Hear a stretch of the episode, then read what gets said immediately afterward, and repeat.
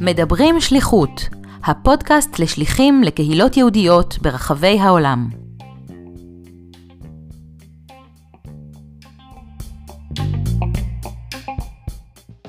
שלום למאזינים, כאן דוקטור אסי אהרונוב. אם נושא של שליחות לקהילות יהודיות בתפוצות מעורר בכם התרגשות מיוחדת, אם הנושא מעניין אתכם כשליחים בהווה או בעבר, אם פעם שקלתם לצאת כשליחים לתקופה משמעותית, ואתם רוצים לשמוע על חוויות השליחות מפי כאלו שהיו שם, אני מזמין אתכם להאזין לראיונות שאני עורך עם שליחים בפודקאסט מדברים שליחות. בכל פרק נראיין שליח או שליחה שישתפו אותנו בחוויות השליחות שלהם. נאזין למה שיש להם לספר בנושאים כגון מה גרם להם לצאת לשליחות, מה היה תהליך ההתאקלמות שלהם בקהילה, מה היו הקשיים או ההצלחות בשלבי הקליטה בקהילה, מה היו נקודות השיא בשליחות כמו גם האתגרים המרכזיים איתם התמודדו, כיצד חוו את החזרה לארץ, מהי לדעתם שליחות מוצלחת ועוד. במיוחד נרצה לשמוע מהם הטיפים שהם יכולים לחלוק עם שליחים אחרים או כאלו ששוקלים לצאת לשליחות. כמי שהיה מעורב בתחום השליחות מזוויות שונות, אני מקווה שגם אתם, כמוני, תמצאו עניין רב במה שיש לשליחים לספר. בימים אלה, ממש לנגד עינינו, עולם השליחות עובר שינויים דרמטיים. נגיף הקורונה חייב ביצוע של התאמות מהותיות באופן העבודה של השליחים, על סוגיהם השונים וביעדים השונים. בפרק מספר 50 של הפודקאסט ריכזנו תובנות ולקחים על עבודה בתקופת הקורונה. בחודשים האחרונים ביצענו ראיונות גם עם שליחים שפעלו או שעדיין פועלים בתקופת הקורונה ושיתפו בתובנות ובטיפים שצברו מניסיונם. בשל העובדה שמדובר בתקופה חדשה גם עבור עולם השליחות, ובכדי להביא לתועלת עבור כל אלו שמתמודדים עם מציאות מורכבת זו, החלטנו לרכז בפרק מספר 50 תובנות שעלו מתוך אותם הראיונות שביצענו. אני מזמין אתכם להאזין לפרק מיוחד זה. בפרק הנוכחי אנו שמחים לראיין את טל גרינברג. טל יצא כשליחה קהילתית לבטסדה מרילנד, ארצות הברית, בין השנים 2018 ל-2020. טל הכירה את הוואי החיים האמריקאי עוד מצעירותה, כשהתגוררה שם עם משפחתה למספר שנים. למרות שלא היה לה קשר לבתי כנסת, היא רצתה לאתגר את עצמה בשליחות דווקא לבית כנסת. היא עבדה באינטנסיביות בקהילה שמונה כ-1200 משפחות וגם בבית ספר יהודי גדול, בו נמצאים גם ילדי נציגים ישראלים שמתגוררים בוושינגטון. היא מספרת על העבודה עם משלחת אזורית ועל היתרונות שבכך. היא משתפת באירועי שיא מבחינתה, כמו תערוכה מיוחדת שארגנה ליום העצמאות ה-71 של מדינת ישראל, וגם על עבודתה עם צעירים שרצו להגיע לישראל ולשרת בצבא. לבסוף היא משתפת באתגרי העבודה בקורונה ועל החלטתה להמשיך את השליחות מהארץ. אני מקווה שתהנו מהרעיון שערכנו עימה. טל, שלום, תודה רבה שאת מצטרפת אלינו לפודקאסט מדברים שליחות. את היית שליחה בבטסדה, מרילנד, הברית, למשך uh, כשנתיים, בין 2018 ל-2020. יצאת uh, במסלול הקהילתי uh, לבית הכנסת uh, בית אל, שתספרי עליו עוד מעט, בבטסדה, וגם uh, לבית הספר CESJDS ברוקוויל, מרילנד. אמ, ואני אשמח אם אה, קצת אה, נתחיל ברקע על עצמך, וקצת אם תספרי אה, מי את ומה הוביל אותך בסופו של דבר לצאת לשליחות הזאת. אוקיי, okay, אז לי קוראים טל גרינברג, אני במקור מלהבים, כרגע אני גרה בבאר שבע, אני סטודנטית בבן גוריון. בגיל שש עברתי עם המשפחה שלי לשליחות מטעם האקדמיה של אבא שלי, שגם מרצה בבן גוריון, ועברנו לגור בבוסטון. אני ביחד עם שלוש אה, האחיות שלי ושני ההורים שלי. אז גרתי שלוש שנים בבוסטון כילדה, בכיתות א', ב', ג', אחר כך חזרנו לעוד ארבע שנים בישראל, ואחר כך חזרנו בדיוק לאותו מקום לעוד שנה אחת, כשהייתי כבר אה, נערה בכיתה ח'. ומאז אותה שליחות, שתי שליחויות, את האמת, ממש התאהבתי גם בארצות הברית וגם uh, באמריקאים באופן כללי וב, ובחיים באמריקה, והתחברתי גם מאוד ליהדות של ארצות הברית ולדברים השונים שהיא מביאה איתה, אה, שהם שונים לגמרי ושנות אור מה, מהיהדות שיש לנו פה בישראל, ואני בטוחה שזה מה שעזר לי להימשך ללרצות לחזור לשם, אה, עצמאית ולחיים עצמאיים. וככה שמעתי על השליחות דרך חברה שהייתה שליחה באוסטרליה ומאוד מאוד המליצה לי.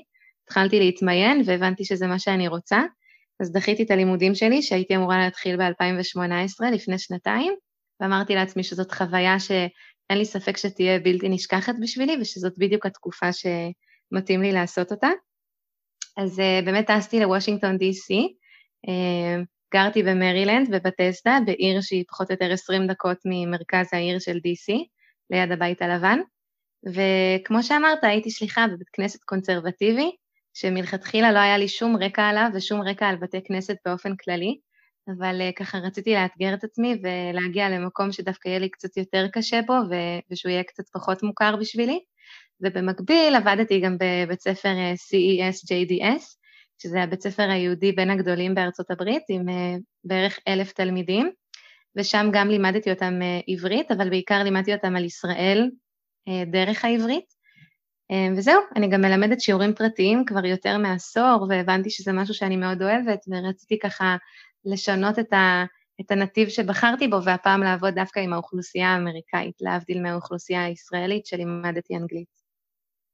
אוקיי, okay, אני אשמח אם תספרי קצת על uh, uh, התחושות או מה פגשת כשהגעת לארצות הברית, את uh, בכל זאת, ש, כמו שציינת, היית כבר ארבע שנים uh, לפני כן uh, בארצות הברית, ואת הכרת כבר את, ה, את הקהילה ואת המנטליות, uh, עד כמה שונה או לא שונה היה, הייתה החוויה כש, כשהגעת שוב לארצות הברית בתור שליחה? אוקיי, okay, אז את האמת שבתור ילדה אני לא כל כך זוכרת את היחס של האנשים כלפי המשפחה שלי. אה, של היהודים האמריקאים, אני כן זוכרת שהיינו בקשרים מאוד מאוד טובים עם משפחות ישראליות, אה, ואומנם באמת איפה שגרתי עכשיו בשליחות במרילנד היו המון משפחות ישראליות, אבל רובם לא היו חלק מהקהילה שלי, לפחות לא אה, של הבית כנסת של בית אל, והרגשתי ככה שרציתי דווקא להכיר את האמריקאים וללמוד עליהם קצת יותר ועל התרבות שלהם, ולא ללכת למקום הנוח של, ה, של הישראלים סביבי. אה, וזאת הייתה חוויה מדהימה בעיניי. אני הגעתי וקיבלו אותי בצורה כל כך חמה וכל כך אוהבת. אה, ישר עשו אה, בטפסים במחשב מי מזמין אותי לאיזו ארוחת שישי, ובמשך כמעט שנתיים אני אכלתי כל ארוחת שישי אצל משפחה אחרת מהקהילה. שכחתי לציין שהקהילה שלי היא קהילה מאוד מאוד גדולה, ובבית כנסת יש בערך 1,200 משפחות שהן חברות של בית כנסת, לא יודעת אם אתם יודעים, אבל uh, בשביל להיות חבר של בית כנסת בארצות הברית, אתה צריך גם לשלם את הדמי חבר וגם uh, באמת להרגיש חלק מהקהילה. והבתי כנסת באמריקה הם יותר uh, מרכז, מרכזים קהילתיים ליהודים, זה לא רק סביב התפילות, אלא זה פשוט מקום לפגוש בו את היהודים, לעבור הרבה שיעורים, אם זה שיעורי ריקוד, שיעור, אימוני ספורט, שיעורי בישול, הרצאות מאוד מעניינות, בית ספר בתוך, ה, בתוך הבית כנסת עצמו, שגם מלמד קצת עברית. אז uh, יש הכל מהכל, וזאת באמת קהילה ענקית, ואני מאוד מאוד מודה על זה שהגעתי לקהילה שלי, שפשוט uh, קיבלה אותי בצורה מדהימה, uh, ובאמת הצלחתי לחוות קצת מהאמריקאיות הזאת, שאולי בתור, בתור בת לשליח, כשהייתי עוד בבית ספר היסודי ובחטיבת ביניים, זה, זה הרגיש אחרת. גם החיים העצמאיים שם הם היו להתמודד עם זה ככה, כשזאת רק אני, ואין לי בהכרח את הגב המשפחתי ש... שתומך בי מה, מהצד, זה היה, זה לדעתי היה האתגר אה, בין הגדולים שהיו לי. אה, אז בעצם אנחנו גם אה, ראיינו לאחרונה את נטע אסנר מינסטר, שגם היא שליחה בבית כנסת מקביל, גם כן גדול, והיא סיפרה גם על החוויות שלה מעבודה בקהילה, בקהילה שהיא עובדת בה. אמ, את יכולה לספר קצת על, ה, על המשלחת ועל הקשרים שבין השליחים שנמצאים אה, באזור? כן, כמובן. אז אני בחרתי להיות שליחה ב-DC בגלל שידעתי שזאת באמת משלחת, להבדיל מכל שאר המקומות שאפשר להיות בהם שליח, שהם בדרך כלל מאוד מרוחקים משליחים אחרים, אה, לרוב בממוצע בטווח הארבע שעות נסיעה אחד מהשני. אז אני אמנם אה, כן רציתי להיות מאותגרת בלחיות לבד ובלהתעסק עם קהילה בפני, עם קהילה בפני עצמי וקהילה שתהיה שלי, אבל uh, היתרון המאוד גדול בלהיות חלק מהמשלחת של DC זה שאנחנו באמת מרגישים uh, שאנחנו כולנו באותה סיטואציה. אנחנו מבין כל השליחים בארצות הברית, השליחים uh, כמעט היחידים שמתעסקים בבתי כנסת, כשאנחנו מוצבים בבית כנסת הספציפי הזה ועובדים רק איתו. להבדיל מהרבה שליחי פדרציה, לדוגמה, שיש להם נגיד עשרה בתי כנסת של העיר שהם נמצאים בה כשליחים, והם צריכים לתמרן ביניהם, וכל בית כנסת מקבל אותם נניח לפעילות פעם בחודשיים או פעם בשלושה. אצלנו, בגלל שהבתי כנסת באזור של DC הם גם מאוד מאוד גדולים, האחוז של היהודים הוא מאוד גבוה, וגם ה, היכולת שלהם באמת להיות חברים בבית כנסת היא כמעט אצל רוב המשפחות היהודיות, ובגלל זה באמת כל אחד יכול להרשות לעצמו להביא שליח שהוא רק שלו מישראל. זאת אומרת שבכל בית כנסת יש משרד של שליח, ואנחנו עושים פחות או יותר את אותה עבודה, אבל כל אחד בקהילה שלו. והיופי במשלחת זה שאנחנו נפגשים כל יום חמישי בפדרציה הגדולה של DC, שהיא גם אה, זאת שמממנת אה, הרבה מהתקציב של השליחים של DC, של הבתי כנסת. אה, היינו עשרה שליחים של בתי כנסת שפרוסים ברחבי וירג'יניה ו-DC ומרילנד, כולנו פחות או יותר בטווח של חצי שעה נסיעה, ככה שהיינו מאוד קרובים ויכולנו לעשות הרבה דברים ביחד, וכחלק מהמפגשים שלנו גם קיבלנו הרבה שיעורי העשרה, שפשוט עזרו לנו להבין איך אנחנו מביאים את החומר ומביאים את ישראל ומביאים את מה שחשוב לנו לקהילות שלנו, וגם הרבה פעמים ניסינו לעבוד על פרויקטים משותפים של כל העשרה בתי כנסת, ככה לקרב את הקהילה אחת לשנייה, וגם כאלו שלא, שלא שייכות לאותו אה, מוסד, לאותו בית כנסת, ולעבוד ביחד אחד עם השני. אז היתרון המאוד גדול היה שגם היו, היה לנו אחד את השני לכל דבר, גם דברים שהם לא מקצועיים, הרבה מפגשים חברתיים, להדליק נר חנוכה ביחד, אה, לחגוג את היום אחרי Thanksgiving ביחד, לצאת ממרילנד להרבה כנסים משותפים שיש לנו בניו יורק, אז באמת גם לא הרגשתי בודדה חברתית בשום שלב, וממש הייתי אסירת תודה על זה, שיש לי את האופציה גם להיות עם אה, שותפים ומקבילים שלי, שהם מאוד קרובים, ו- וזה לא מובן מאליו אה, במימדים של ארה"ב, mm-hmm. וגם שבאמת יכולנו לעבוד בצורה מקצועית, משותפת, ואחד עם השני, ו- ככה לקבל אחד מהשני גם השראה וגם רעיונות וגם באמת תוכן שכבר בנינו וחבל שנעבוד עליו פעמיים, אה, בין אם זה דברים פיזיים שעברו אחד מהשני, כמו לדוגמה ביום העצמאות אה, ארגנו את מונית הכסף, אחת השליחות שהייתה אצלנו, והיא ממש הכינה כאילו מונית, סוג של תחפושת בפני עצמה, והיה לה מאוד נוח להעביר את זה לשליחים אחרים שרצו לעשות את זה ביום אחר או בשנה אחרת, כי באמת הקרבה אפשרה לנו את זה, להבדיל משליחים אחרים שמפוזרים ברחבי ארצות הברית, שיותר צריכים לעבוד על הדברים האלה בעצמם ו- וליצור את הכל מעצמם. כן יש את השיתוף הזה ב-workplace, שזה באמת אה, רשת חברתית שנועדה לשיתוף ידע ולקבל אחד מהשני רעיונות ודברים כאלה, אבל אצלנו זה, זה בהחלט היה יתרון גדול מאוד. אה, אז הזכרת את אה, מסגרות השליחות שלך, אה, בעצם את בית הכנסת ואת בית הספר, תוכלי טיפה להכניס אותנו יותר ו- ולתאר את שגרת העבודה שלך, ו- וגם אם את יכולה להתייחס לאתגרים מיוחדים שהיו בעבודה בכל אחד מהמקומות האלה. כן, אז את האמת שה... המסגרת שאני עבדתי בה, בגלל שהיא באמת פוצלה לשני מוסדות שונים, גם לבית כנסת וגם לבית ספר, אז היא הייתה מאוד מאוד אינטנסיבית. עשיתי את העבודה שהייתי צריכה לעשות בבית כנסת, כמו ששליח אה, שהוא 100% אה, משרה בבית כנסת עשה, וגם בנוסף היה לי את ה-50% משרה של הבית ספר. Mm-hmm. השעות היו יחסית קבועות, בבית ספר אני עבדתי שלוש, שלוש פעמים בשבוע, פעם אחת בבית ספר היסודי, פעם אחת בבית, בחטיבת ביניים ופעם אחת בתיכון.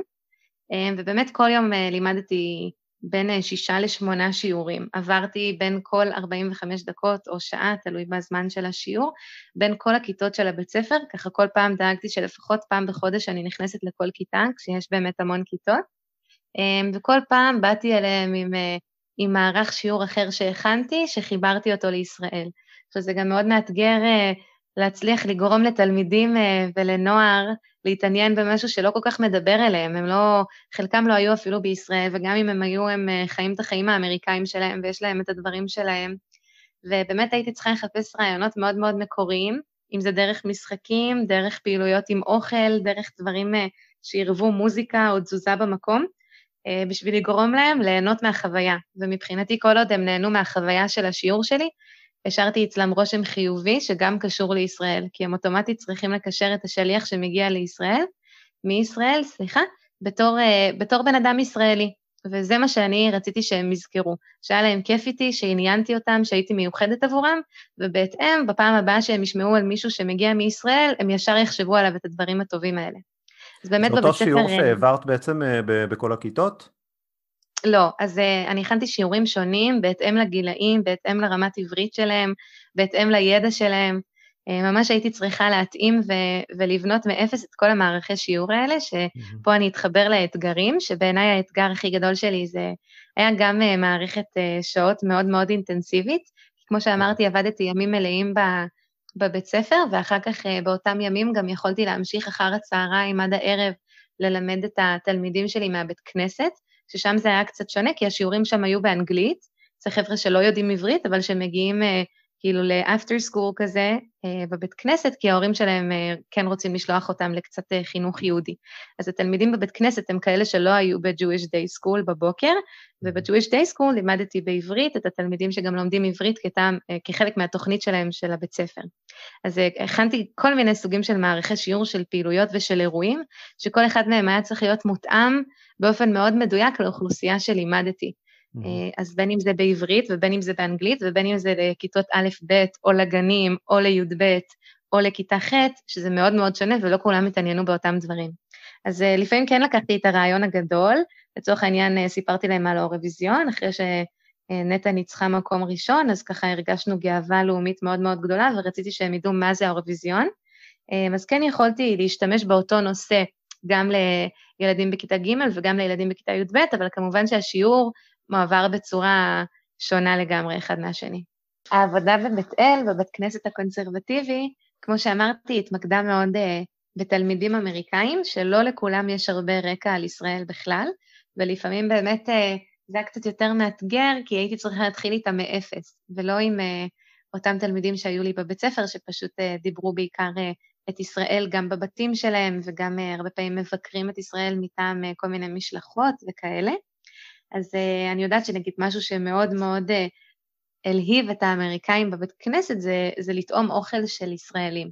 אז mm-hmm. משהו אחד, נגיד, נורא נחמד שעשיתי איתם, זה משחק זיכרון של אוכל ישראלי, שקניתי קופסאות כאלה אטומות, והיו לי בערך 20 מאכלים ישראליים, חטיפים, גומי, כל דבר שאנחנו אוכלים בישראל, זה התחיל בשיעור שלימדתי אותם על הדברים האלה, ו, וקצת ניסיתי לחבר אותם לחיים אה, של הילדים בגילם שיש בישראל.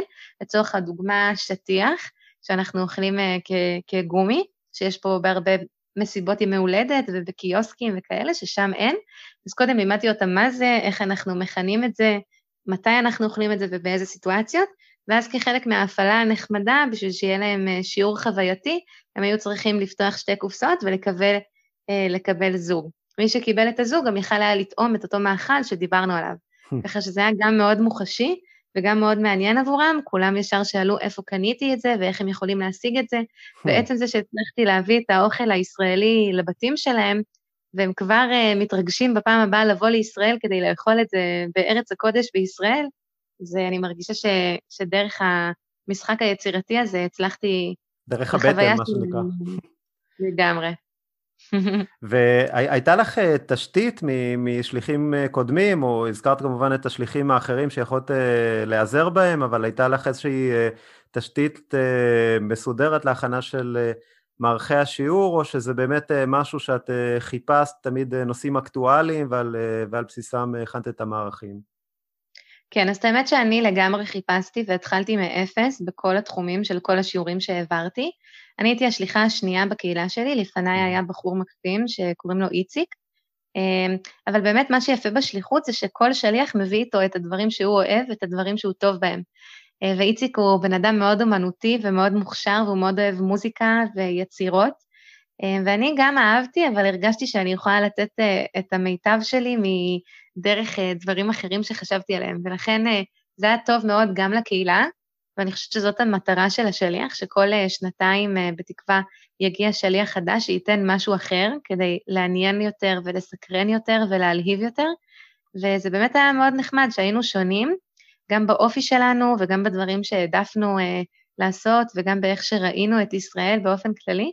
אז אני חושבת שזה היה מאוד נחמד שאני התחלתי מהדברים שהיו חשובים לי, ואני מאוד מקווה שגם השליח שיבוא אחריי ייתן את הפן שלו ו- ויצליח לסקרן אותם ולמשוך אותם לפעילויות ש- שהוא יתכנן. כרגע יש שם אה, שליח חדש בתקופת הקורונה, או שלא אויש עדיין? ספציפית בקהילה שלי, לא הביאו שליח השנה, מתוך חשיבה בעיקר על השליח, בגלל שהרבה מהדברים ש, שחשוב לעשות ושהקהילה שלי מתמקדת בהם היא באמת הקשר האישי הזה עם המשפחות, וכמו שאמרתי, אכלתי ארוחת שישי אצל משפחות באופן קבוע, והם הבינו שזה קצת יבאס את השליח שמגיע לבד למקום חדש, וגם משפחות אמריקאיות יפחדו בגלל הקורונה להכניס אותו או אותה לבתים שלהם, וגם זה שהבית ספר כרגע מתקיים בזום, וזה קצת מבאס להכיר את התלמידים בפעם הראשונה דרך הזום, אז הם הבינו שהם יצטרכו לעשות הפסקה של השליח במשך השנה הזאת.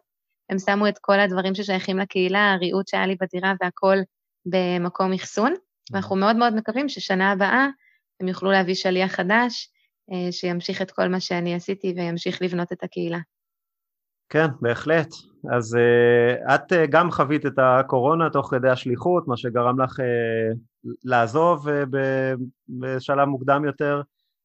את יכולה לתאר את כניסת הקורונה לחיי השליחות שלך ואיך, ואיך זה השפיע? כן, אז האמת שהקורונה הגיעה לארצות הברית, לפחות לאיפה שאני גרתי בארצות הברית, קצת יותר מאוחר מהשלב שהיא הגיעה בה לישראל. ואני, בגלל אה, שיחות כבר עם הארץ ועם המשפחה ועם חברים, אני הבנתי שהמצב אה, הולך להיות יותר גרוע ממה שחושבים, והאמריקאים בהתחלה היו די אופטימיים. Mm-hmm. ואני זוכרת שהייתי מגיעה לבית ספר אה, בסוף חודש פברואר, וכולם דיברו על וירוס ועל משהו שאולי יסגור את הבתי ספר, אבל אף אחד לא באמת האמין. עד שיום אחד פשוט אמרו לנו שהבית ספר באמת נסגר, הם לא ידעו מה לעשות, זה היה ככה שוק בשביל כולם, כמו שזה היה שוק בשביל כל העולם, ובעצם השליחות שלי הופסקה.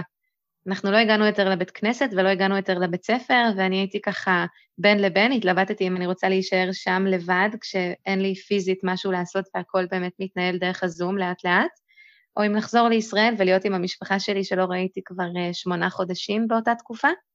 ובסוף הבנתי שאני מעדיפה לחזור לישראל ולהמשיך אה, לעבוד כשליחה פשוט מהארץ, בשעות לא שעות. בכל שעה שיגידו לי, אני אמרתי להם שאני אעלה. אז יצא שגם אה, העברתי שיעורים בזום והרצאות בשלוש לפנות בוקר של אה, שעון ישראל. כלומר היה ברור. גם לך וגם להם, שבעצם גם אם את פיזית לא נמצאת אה, אה, בקהילה, את צריכה להמשיך את העבודה שלך כשליחה. נכון, וזה גם היה לי מאוד חשוב. אה, ואחד הדברים שהכי ביאסו אותי זה שלא הצלחתי להיפרד מהתלמידים שלי כמו שצריך. באמת מאותו יום שהודיעו שהבית ספר נסגר ושאף אחד לא יגיע יותר לבתי כנסת, אז ככה התפוצצה לי הבועה שחייתי בה, ו... ומאוד מאוד חלמתי אחרי כל השנתיים האלה להצליח לעשות אירועי סיום ומסיבות פרידה, והיה לי כבר את הרעיונות של המתנות פרידה שאני אכין לכל אחד מה-1,500 תלמידים שהיו לי. ו- ולצערי זה פשוט נפסק באמצע, זה היה מאוד קשה, מאוד מורכב. השתדלתי לשמור על פרופורציות, כי הבנתי שזה קורה לכולם, ושמן הסתם זה לא בשליטתנו בכלל.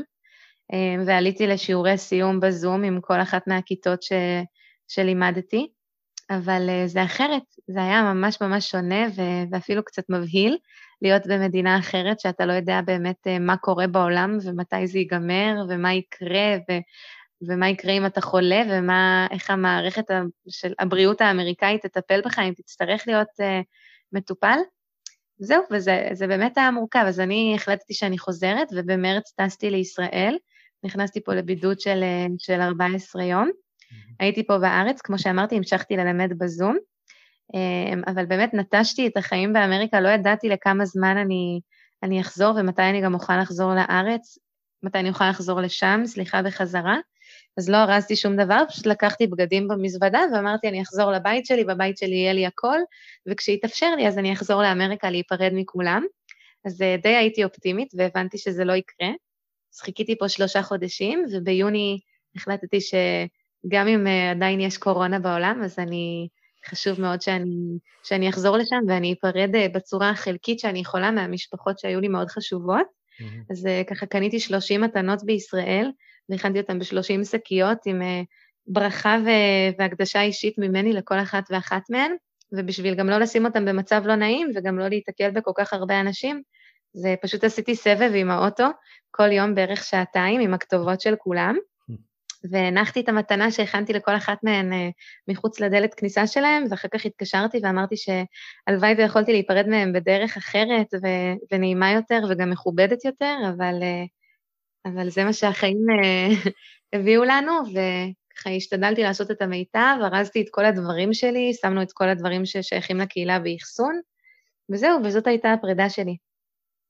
כן, בהחלט לא, לא, לא נשמעת כמו פרידה אידיאלית. התקופה הזאת של, של העבודה מהארץ, אה, מבחינתך את המשכת את העבודה עד כמה שאפשר אה, בצורה רגילה מול הקהילה ומול אה, בית הספר? את ראית בה גם יתרונות לעבודה מסוג כזה, או שלא? מהבחינה הזאת זה לא, לא היה משנה אם את שמה או, או בארץ. אז את האמת שספציפית בעבודה כשליחה, ממש לא ראיתי יתרונות בזום, אה, בעיקר בגלל שבאמת הפעילויות שאנחנו עושים צריכים להיות מאוד, צריכות להיות מאוד מאוד מאוד אה, חווייתיות, וזה לא קרה, כי כשאתה עולה מול אה, ילדים בכיתה א', שהם פחות או יותר 100 תלמידים בכל מפגש זום, וההורים שלהם ברקע והם לא לגמרי מצליחים להתרכז, זה לא כמו שאני אהיה מולם ואפעיל אותם עם אה, שירים בעברית וריקודים ומשחק הכיסאות ומשחקים של ימי הולדת ישראליים.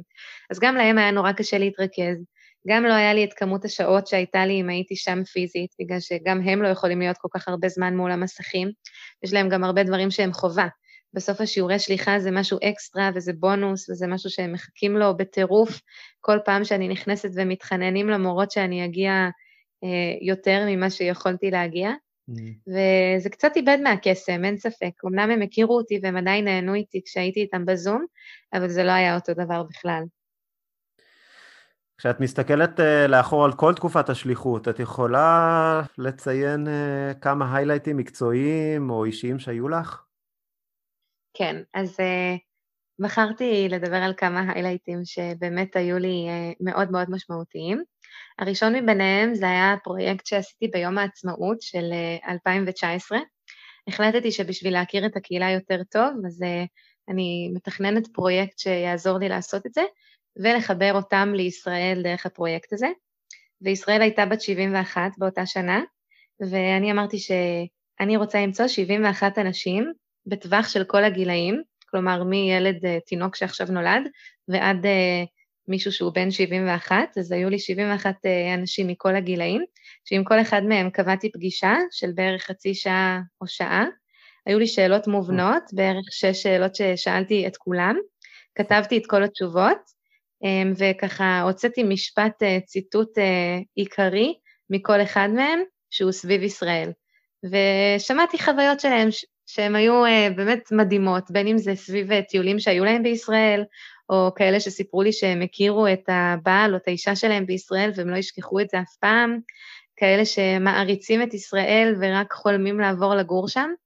וזאת הייתה דרך מעולה גם ללמוד על, ה, על האנשים בקהילה, להכיר אותם באופן כללי, כי בסוף מאוד קשה לגשת לחמשת אלפים אנשים רק מהבית כנסת hmm. ולדעת מי כל אחד. ובסוף גם צילמתי כל אחד. נכון, כולם היו מהקהילה של הבית כנסת, של בית אל, כן. אה, צילמתי כל אחד מהם אחר כך וערכתי את זה בפוטושופ ביחד עם הציטוט למטה ועם הגיל של כל אחד מהם, ובאירוע של יום העצמאות שארגנתי, שגם היה אירוע מדהים, אה, עם טקס של יום הזיכרון, אה, עם סיפורים על חללי צה"ל שהם אף פעם לא הכירו, ועם תלמידים אמריקאים שהשתתפו בטקס הזה והקריאו בעצמם, שזה היה מאוד מאוד מרגש ונוגע ללב. אז אה, עשיתי להם ככה את המעבר החד ישר מהטקס לחגיגות של יום העצמאות, שהיה באולם אה, צמוד, אה, צמוד מאוד, אבל לימדתי אותם גם על המעבר הזה ש, שיש לנו פה בישראל, של היום אחרי יום. ובחגיגות היה לנו אה, ככה חגיגות עם אה, קייטרינג ישראלי ופלאפל וחומוס ופעילויות ש, שכל מדינה, סליחה, שכל עיר בישראל היה לה את הפעילות יצירה שלה. ובאמת שם גם הצגתי את התערוכה של כל ה-71 פרצופים של ישראל, אמ, ואת השיח שהיה לי עם כל אחד מהם, וככה את הציטוט שלהם ב highlight. אז זה מבחינת אה, בית אל היה highlight מקצועי מאוד מאוד גדול, שאני גם שמחה שעשיתי אותו, כי בזכות זה הכרתי המון אנשים חדשים, שאחר אממ. כך אה, הקשרים איתם התגלגלו למקומות מאוד חיוביים.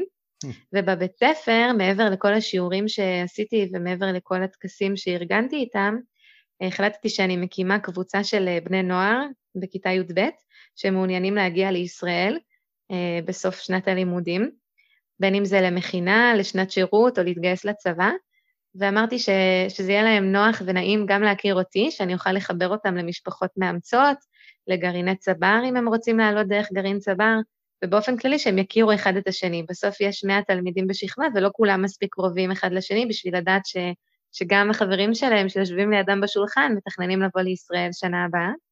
אז uh, ארגנתי לא מעט מפגשים של כולנו, בין אם זה אצלי בבית, uh, לבשל שקשוקה, uh, לראות סרט ישראלי ולדבר עליו ועל המנטליות הישראלית ולהכין אותם ככה למה שהם הולכים להגיע אליו.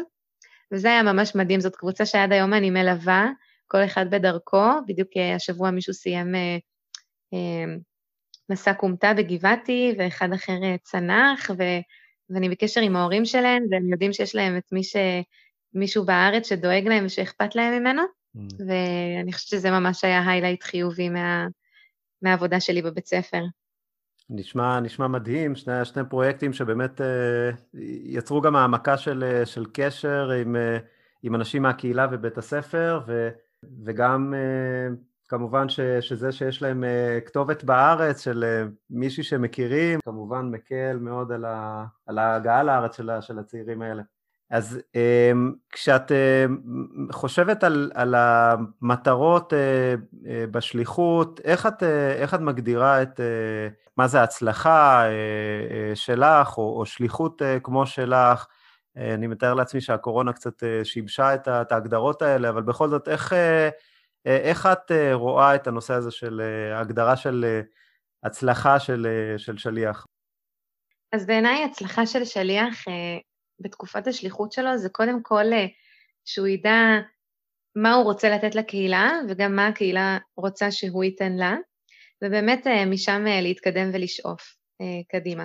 אז לי נגיד היה מאוד חשוב להכיר כמה שיותר אנשים מהקהילה, ושיהיה לי חיבור אישי אליהם, שהם ירגישו בנוח גם לפנות אליי, גם סתם לפגוש אותי על בסיס נחמד ולא בהכרח על בסיס מקצועי.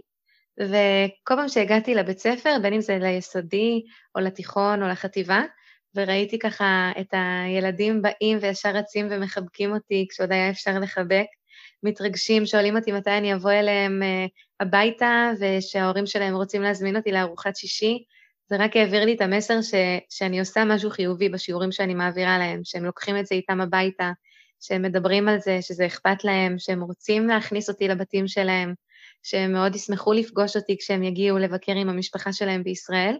זה ככה נקודות אור בשליחות ש, שידעתי לשים אותם ולהגיד, אני עשיתי את שלי. אני מרגישה שהשפעתי פה על כמה מאות אנשים, ולא כל כך אכפת לי כמה ידע התווסף להם אה, סביב ישראל. אמנם זה חשוב, ובאמת הם למדו הרבה, אבל מבחינתי החוויה הזאת אה, של איך שהם הרגישו כלפיי, ומה שאני הצלחתי אה, לעשות, ואיך שהצלחתי לגעת להם בלב, זה היה החלק הכי משמעותי. ואני אתן גם עוד דוגמה, בדרך כלל אה, אה, לחבר'ה של הבית ספר היה הרבה יותר קל להתמסר, כי כמו שאמרתי, הם הרבה יותר מחוברים לישראל. זה החבר'ה של הבית כנסת, שמאוד מאוד רוצים ללמוד על ישראל, פשוט הפלטפורמה שלהם הייתה קצת יותר קשה, כי באמת בסוף הם חיים חיים של אמריקאים, אמנם יהודים, אבל בבית ספר ציבורי ש, שהוא לא מלמד על ישראל כמו שבתי ספר יהודים מלמדים, והייתה לי תלמידת תיכון שמאוד מאוד ניסתה להתקבל לתוכנית מנהיגות, ואמרו לה שהיא צריכה לבחור אה, מישהי אחת שתמליץ עליה, שהיא מספיק סומכת עליה ושהיא מאוד משמעותית עבורה, והיא באה אליי באחד השיעורים אה, בבית כנסת, והיא אמרה לי, טל, אני בחרתי בך, ואני מאוד אשמח שתכתבי לי אה, את החוות דעת שלך, וזה גם גרם לי מאוד מאוד להתרגש, שמכל האנשים ומכל המורים האמריקאים שיש לה בבית ספר האמריקאי שלה, וגם המורים שיש לה אה, בבית ספר בתוך הבית כנסת שלנו, מתוך כולם היא בחרה בי. והרגשתי שזה באמת היה משהו משמעותי גם בשבילה וגם בשבילי, ואנחנו עד היום בקשר, גם כשאני מרצה רק בפני מבוגרים, הילדה בת ה-17 עולה לזום איתי ו- ומאוד מאוד רוצה לשמוע ו- וללמוד. זה, זה ממש היה נקודת ציון חיובית ב- כשאני מסתכלת על הצלחה בשליחות. Mm-hmm. יפה. בית הספר הוא בעצם, אה, יש בו גם הרבה ילדים של, של ישראלים שנמצאים אה, בסביבה של וושינגטון. אמ, את יכולה קצת אה, לספר על המקום של הישראלים, תלמידים הישראלים בבית הספר ועל אופי העבודה ועל חוויות מיוחדות שהיו איתם?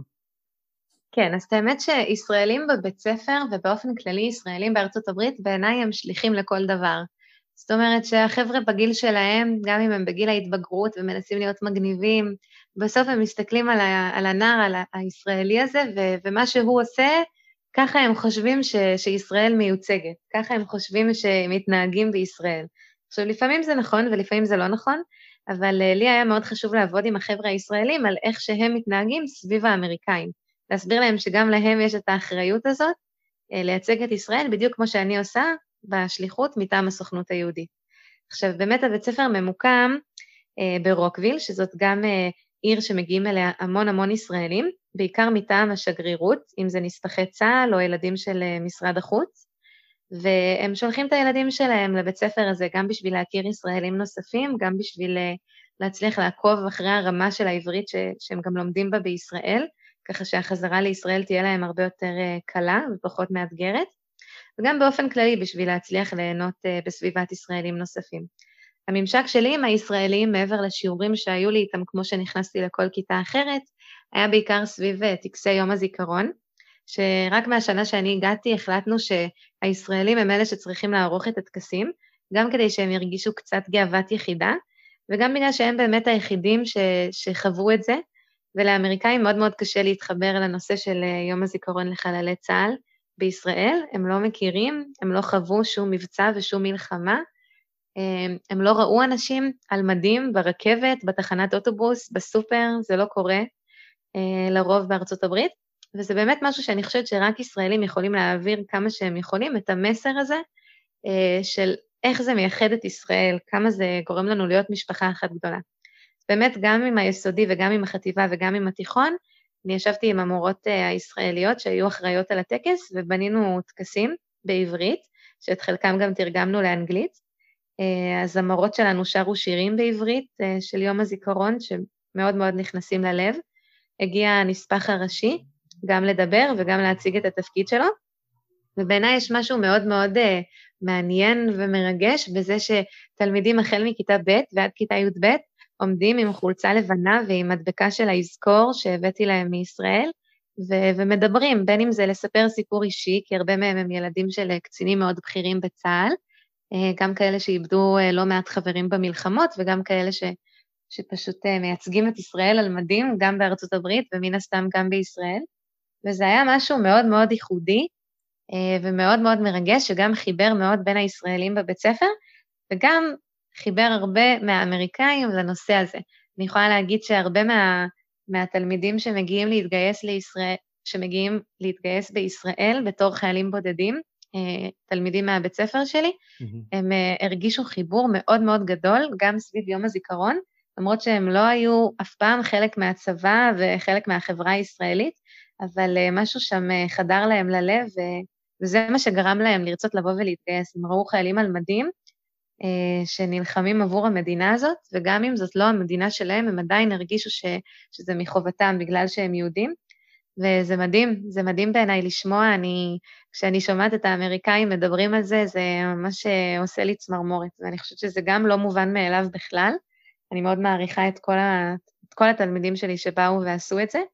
וזה באמת הרבה גם בזכות הישראלים שמצליחים להשפיע עליהם ו- ולהגיד להם שהם בטוח יתגייסו, גם אם המשפחות הישראליות שלהם יישארו לגור בארצות הברית, אז אה, גם הם נחשבים חיילים בודדים, גם אם הם ישראלים ש- שגרים שם רק אה, שנתיים או שלוש, והם מצליחים להשפיע מאוד מאוד לטובה, שזה משהו שהיה לי מאוד, אה, מאוד מיוחד לראות.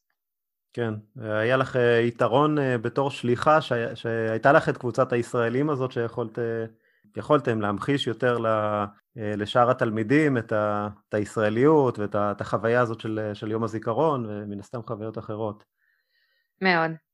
אז את uh, סיפרת שכבר גרת בארצות הברית וחווית בתור תלמידה במשך uh, ארבע שנים בבוסטון את, uh, את מערכת בית הספר האמריקאית. איך בעקבות השליחות את רואה את מה שאת ספגת, או את ההבדלים שאת, אה, שאת יכולה, יכולה לזהות מאותה, מאותם שנים שאת גרת בעצמך בארצות הברית אה, בתור צעירה, מה, מה קיבלת מעבר אה, בשליחות, ברמה האישית, מבחינת פרספקטיבות שלך על, על הקהילה היהודית בארצות הברית, על אולי יחסי ישראל והתפוצות? אז אני אגיד שאני לא כל כך מחוברת לדת, ובגלל זה זה גם מאוד הרתיע אותי לבוא ולעבוד בבית כנסת. וכמו שאמרתי, זה כל כך חידש לי העניין הזה שהבתי כנסת הקונסרבטיביים והרפורמים ואיך שהם נוהגים ביחס לדת, שאני לא חושבת שזו דרך שהיא פחות טובה מהדרך של היהודים האורתודוקסים שחיים ברובם פה במדינת ישראל. אני חושבת שהם מסתכלים על הדת בתור uh, מסורת ובתור תרבות שמאוד מאוד חשוב להם לשמר, אבל במקביל הם מתאימים את עצמם uh, ל- לאורח חיים שלהם ו- ולאיך שהם uh, חיים את היהדות הזאת באמריקה. בין אם זה כן להגיע לבית כנסת ביום כיפור ולהגיע ברכב. הם אמנם צמים, אבל uh, הם מתאימים את המרחק שלהם מהבית כנסת שלהם אה, ומבינים שהם לא ילכו אותו ברגל, והם באים וזה מאוד מאוד חשוב להם, ובבית כנסת ביום כיפור יש באזור ה-4,000 אה, חברי קהילה, זה היום שמגיעים בו הכי הרבה אה, יהודים לבית כנסת להתפלל ולהרגיש חלק. אני חושבת שזה פשוט החוויה גם בארצות הברית, בבוסטון בתור ילדה, וגם עכשיו בשליחות שלי ב-DC, בעיקר פתחה לי את הראש, גם לגבי אמריקאים באופן כללי והיחס שלהם אה, לאנשים סביבם והכבוד שהם יכולים לתת גם לחברים שלהם וגם לבני משפחה שלהם וגם לאנשים זרים לגמרי ברחוב. זה משהו שאני חושבת שישראלים יכולים אה, ללמוד מהם המון. וגם באופן כללי מהפתיחות הזאת אה, לדת, וזה משהו שאם הייתי קרובה לבית כנסת קונסרבטיבי או לקהילה קונסרבטיבית פה בישראל, אני יודעת שהיום אחרי השליחות אני לא הייתי שוללת את זה, כמו שהייתי שוללת את זה אם הייתי רק שומעת על זה ולא חווה את זה, אה, לפני שנתיים, כשרק התחלתי את השליחות. זה לימד אותי המון, ואני לוקחת איתי הרבה מאוד דברים מאמריקה ומנסה גם ליישם אותם פה, כי זה חשוב. אה, ושוב, זה עובד גם לכיוון ההפוך כמובן, אני חושבת שהאמריקאים יכולים ללמוד גם הרבה מאוד מהישראלים, וזה מה שאני ניסיתי להעביר להם, כמה שיותר אה, דברים שהם יוכלו לאמץ ו... ולראות אם זה מתאים גם להם. אה, ואני רוצה לשאול אותך על אה, טיפים שאת יכולה להמליץ לשליחים אה, אחרים, אולי מהניסיון שלך בעבודה בקורונה, אבל גם באופן כללי. אז טיפים חשובים שאני חושבת שמאוד חשוב לשליחים, בין אם הם שליחים מתחילים ובין אם הם שליחים בין השנה הראשונה לשנייה. אני חושבת שקודם כל צריך להגיע מאוד מאוד פתוח. ופשוט לפתוח כל דלת אפשרית, גם להגיד כן לכל דבר שמציעים, גם אם זה משהו שבהתחלה לא מרגישים איתו בנוח וקצת מרתיע וזה לא ככה התחום שלנו, אמ, לא לבוא מנקודת מבט שאנחנו יודעים הכל, אה, ופשוט לנסות לחוות את זה. גם אם אני לא אוהבת לצורך העניין, אה, לא יודעת, לרקוד, אם תהיה קבוצה בבית כנסת שמאוד מאוד תהיה מעוניינת בזה שאני אעביר להם שיעורי ריקוד ישראלי, אני חושבת ש, שזה חשוב מאוד להגיד כן ולא לברוח למקום הנוח. אה, הטיפ השני שאני חושבת ש, שצריך אה, ככה, שממש יכול לעזור, זה קודם כל לבדוק עם הקהילה מה היא רוצה ומה היא צריכה, כדי שכשאתה תגיע אתה תדע שאתה קולע בול למטרות גם של מה שהסופרוויזור שלך מנחה אותך לעשות, וגם פשוט מין לעשות סקר שוק קטן באוכלוסייה, של הקהילה, בין אם זה בארוחות שישי או בכל מיני אירועים uh, מצומצמים שאנשים מגיעים uh, לדברים שאתה מארגן כשליח, ופשוט לשאול מה המפגש הבא uh, שתרצה לקחת חלק בו, מה הנושא שהכי מעניין אותך בישראל, איפה היית רוצה להשתלב ביחס לחברה הישראלית. והדברים האלה ש, שיגיעו מהקהילה הם באמת הדברים החשובים ביותר שבעיניי בשבילם אנחנו מגיעים לשם ולוקחים חלק בקהילה. אה, והטיפ האחרון שהייתי רוצה לתת זה פשוט לתקשר עם כמה שיותר אנשים, ופשוט ליצור קשרים חיוביים. זה מבחינתי כל העבודה. ככה גם הרב שלי, שהיה הסופרוויזור שלי, היה אומר לי, אני לא רוצה למדוד אותך אה, חס וחלילה על פי כמות האירועים שאת עושה או כמות ההרצאות שאת מעבירה, חשוב לי שכשתסיימי את השליחות, כמה שיותר אנשים יכירו אותך, כמה שיותר אנשים יאהבו אותך, וכמה שיותר אנשים ילמדו ממך. אני חושבת שזה דברים שקשה מאוד למדוד, אבל אה, אפשר אה, לחוות אותם ולהרגיש אותם בעיקר בלב, ואני חושבת שזה ככה בין הדברים הכי חשובים שאפשר לעשות בתור שליח. בהחלט, ולסיום אני אשאל אותך אה, איך, באיזה צורה, אם לקחת את השליחות לחיים שלך בחזרה לארץ. אז אני לגמרי לקחתי את השליחות לחיים שלי פה, וזה מתבטא בהמון דברים, בין אם זה כל מיני דברים קטנים שהבאתי איתי מאמריקה שפשוט מזכירים לי את ארצות הברית uh, בקטע מאוד חיובי. גם uh, כמובן את הקשרים שאני uh, יצרתי באמריקה ומשתדלת עכשיו לחבר uh, לישראלים פה, אם זה נוער ישראלי שמאוד חשוב לי שיהיה בקשר עם הנוער האמריקאי, בין אם זה תלמידים מהבית ספר שלי או תלמידים מכל בית ספר אמריקאי שהוא. והרבה פתיחות מחשבתית, להגיע ו, וללמוד קודם על האזור שאני, שאני גרה בו ואת האנשים שאני עובדת איתם, ו, ולראות מה הם מחפשים ומה חשוב, ומה חשוב להם. אז השליחות לדעתי תלווה אותי לאורך כל החיים, זאת באמת הייתה חוויה בלתי נשכחת שאין מאושרת ממני שזכיתי לחוות. Mm-hmm. אני עוד כמובן מעוניינת לחזור לעוד שליחות, ואולי גם לעוד שליחויות, כן. גם מסוגים שונים, ואולי אפילו מאותו סוג ורק במקום אחר, כי גם אני מרגישה שיש לי עוד מה לתת, ו- ואני חושבת שזה פשוט חיובי, זה להתעסק בתחום הזה, זה משהו שמאוד מאוד מדבר אליי ומאוד מאוד מעניין אותי, והלוואי ואני אזכה לעסוק בו במשך חיי באופן כללי. בהחלט, תחושה דומה שמלווה, אה, אני חושב, את כל השליחים שחוזרים לארץ, ואני רוצה מאוד מאוד אה, להודות לך, טל, היה כיף גדול לראיין אותך, ואני מאחל לך אה, הרבה הצלחה בהמשך. תודה רבה, גם לך.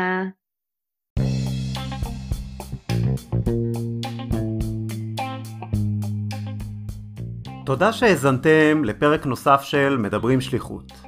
אני מקווה שנהניתם מהרעיון עם טל גרינברג. האם האזנתם לרעיון הקודם שקיימנו עם אלה מנובלה? אלה שיתפה מחוויות שליחותה למונטריאול קנדה.